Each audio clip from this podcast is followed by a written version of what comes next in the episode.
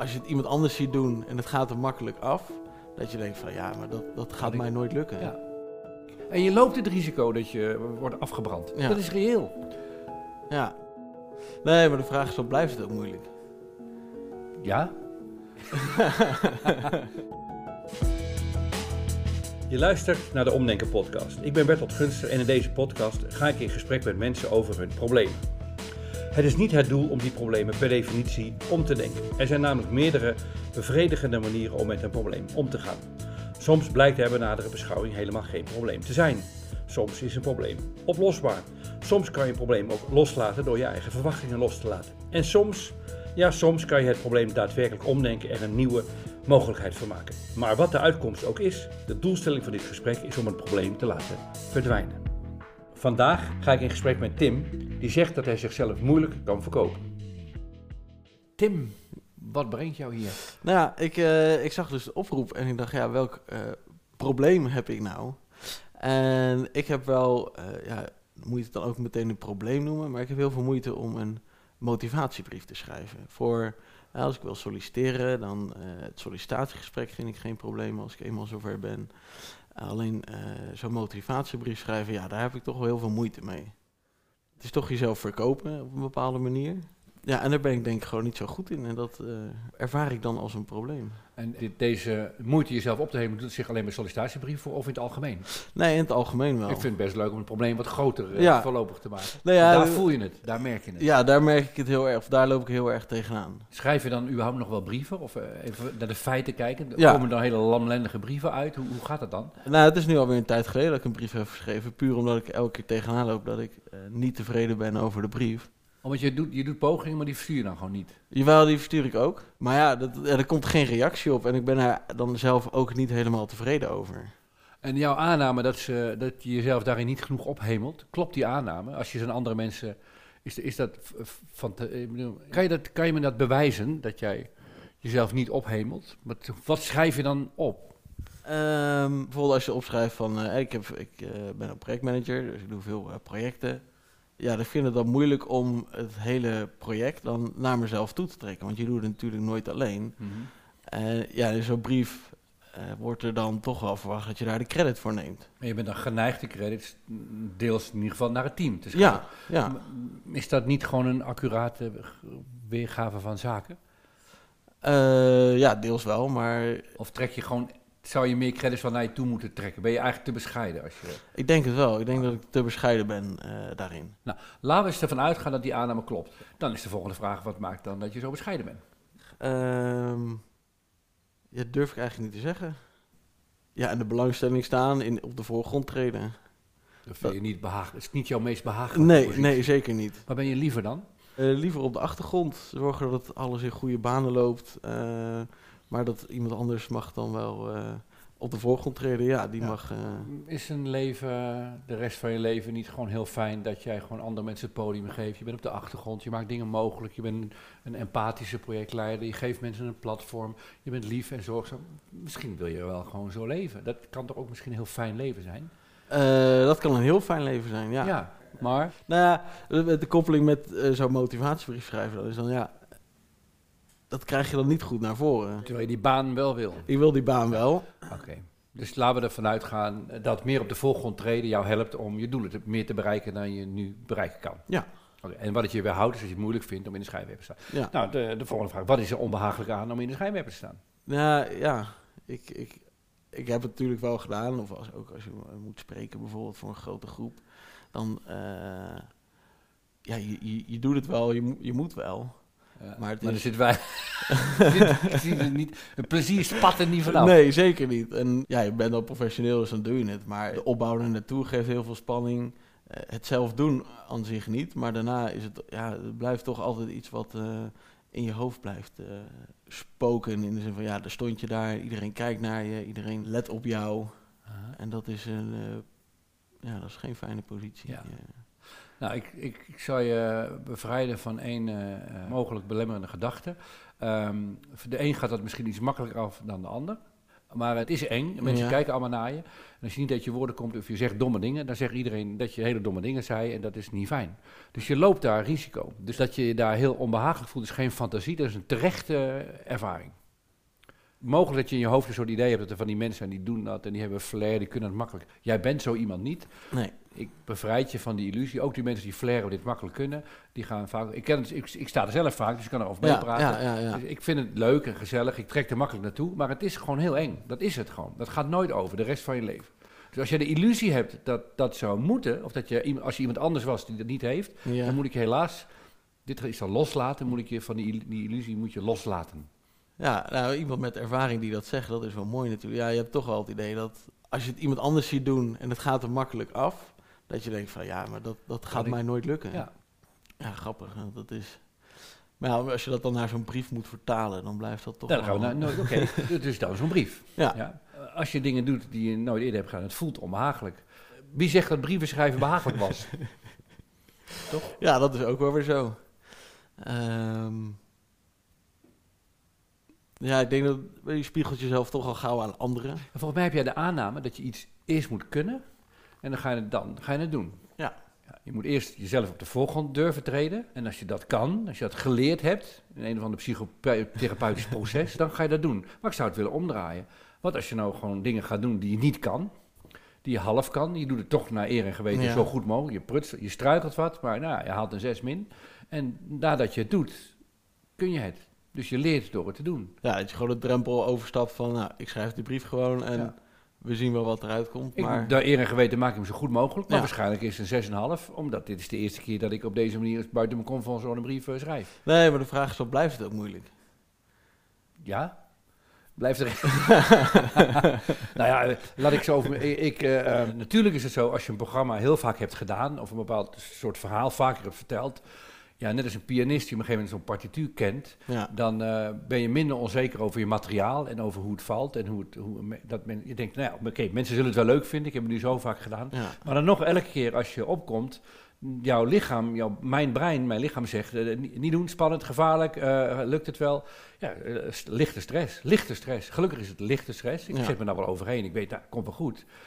Maar die stress gaat nooit weg. En sterker nog, de, het feit dat je stress hebt, vind ik een heel gezond teken dat jouw lichaam jou prepareert om iets te doen wat ook gevaarlijk is. Want je gaat jezelf ook eh, presenteren aan het Ja. publiek. En je loopt het risico dat je wordt afgebrand. Ja. Dat is reëel. ja. Ja, maar zelfs als het dan routine is, ja, dan blijft het, blijft het dan echt moeilijk nog? Nee, het wordt echt, wordt echt makkelijker. Het wordt, het wordt stukken makkelijker ook. Ja, Eh, maar het blijft, het gaat nooit over. Het gaat echt nooit over.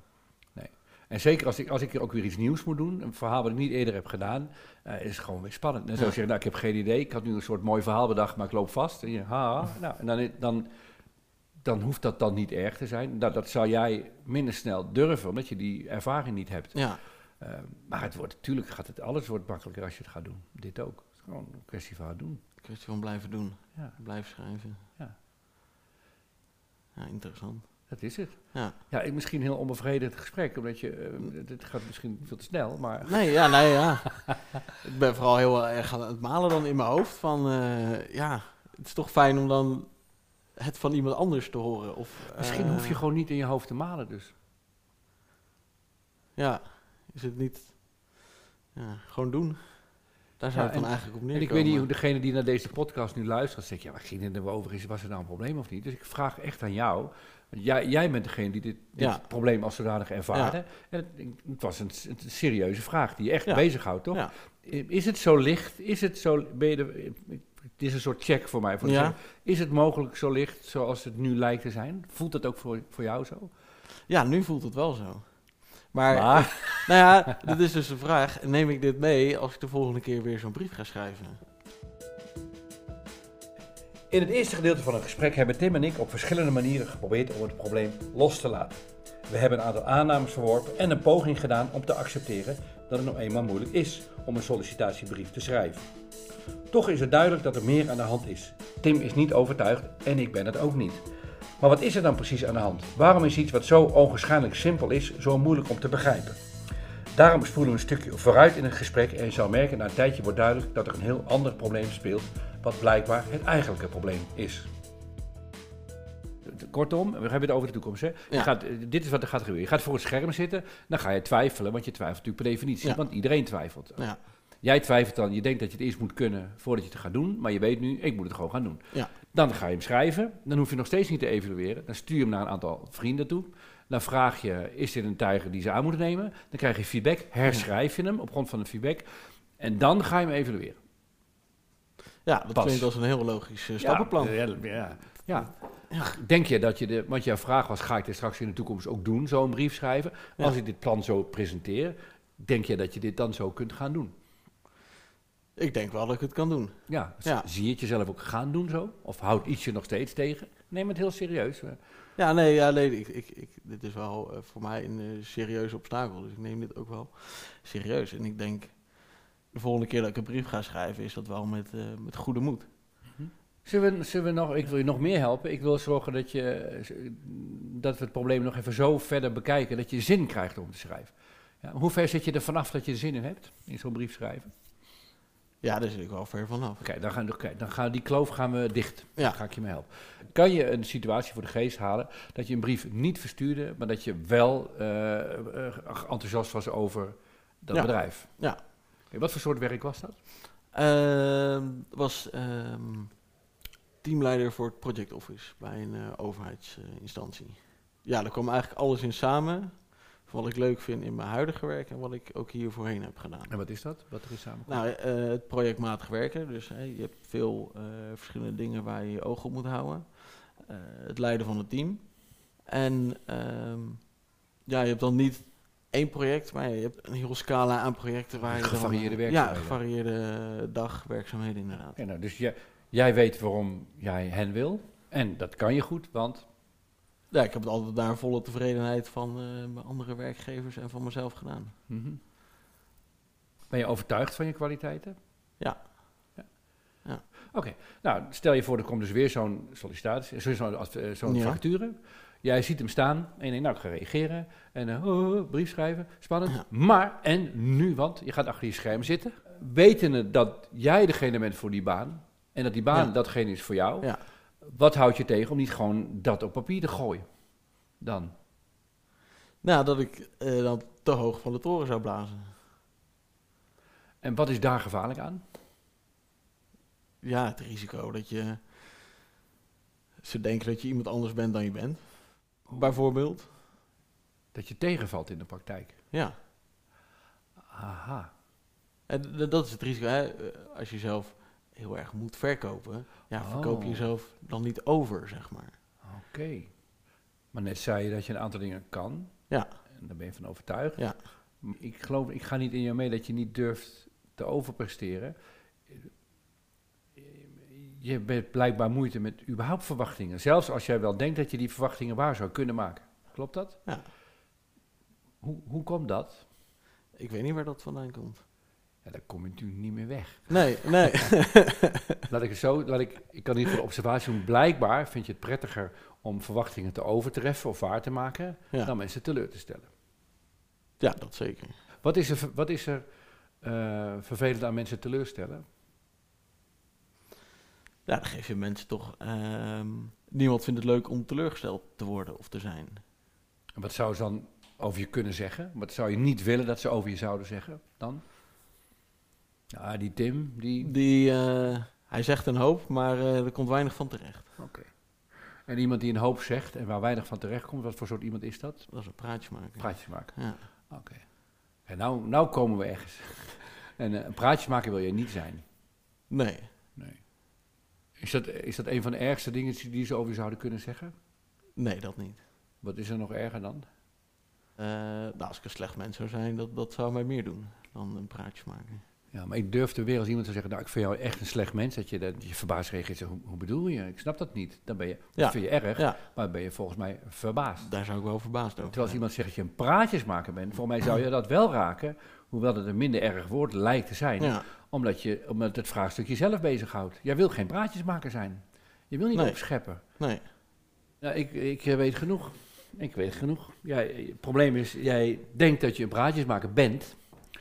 Alleen als je nou maar voorzichtig bent en veel brieven schrijft, niet te veel hè, bescheiden bent en het projectteam de credits geeft, als, als, als, als. Je ne- onderneemt allemaal acties in je leven. En dat Ja. doe je heel goed, heel succesvol, ook heel fijn, daar hebben mensen profijt van en daardoor maak je altijd verwachtingen waar, ben je een aangenaam iemand. Je bent heel hard bezig om maar voor jezelf en de buitenwereld te bewijzen dat jij geen praatjesmaker bent. Ja, Maar door dat heel erg te doen, op het diepere niveau geef jij jezelf de hele tijd het zelfbeeld dat je het eigenlijk bent. Tenzij je heel erg oplet dat je het niet bent. Want als je niet oplet, dan word je dit blijkbaar op de een of andere manier. Zo iemand wil jij niet zijn. Dus dat hou je de hele tijd eronder. ja. Ben je nog binnenboord? ja zeker. Dat Ik, heel zit goed. even, eh, even... Ja, ik vind dat heel, heel, mooi, heel mooi gezegd.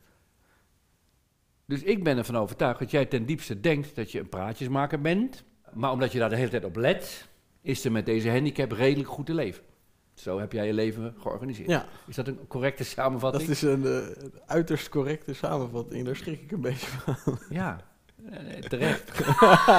Hier is ook geen hulp voor nodig verder. Geen Nee. hulp meer mogelijk. Nee. Nou, Oké, dit, maar dit alles zo gezegd hebbend, eh, wat is dan de bevrijding hiervan? Nou, om dat idee los te laten. Ik zou je zeggen, het is nog veel simpeler. Je moet gewoon elke dag opstaan en tegen jezelf zeggen, ja, ik ben een praatjesmaker. Je, je, het is jammer, dit is een podcast, vind ik jammer dat ze jouw Ja. gezicht niet zien. Dat gaat nou, ik zie aan jouw gezicht dat hier een bevrijdende gedachte vanuit gaat. Ja, ik vind Het het... is Ja, absurd onregelend. Dus je staat elke ochtend op, dus kijk je in de spiegel. Ik ben een praatjesmaker en vandaag ga ik eh, praatjes maken. Ik schrijf een brief, ik hou verhaal. ja, Ja. Als Ja, mensen ja, zeggen, zo, ja. houdt veel praatjes. Ja, dan komt, ik ben een praatjesmaker. ja, ja, het is inderdaad jammer dat je mijn gezicht niet kan zien, want ik ben echt eh, even overdonderd. Ik vind het wel een heel mooie uitkomst. Ja, heel interessant. Zo'n zelfbeeld is natuurlijk heel, het is heel onbehagelijk om te denken dat je een praatjesmaker bent. Daar wil niemand Ja. mee leven. Dus je gaat vervolgens allerlei acties ondernemen om dat zelfbeeld maar te, te doven of te weg te werken. Maar de tragiek is dat je nooit het bewijs kunt leveren dat je het niet bent.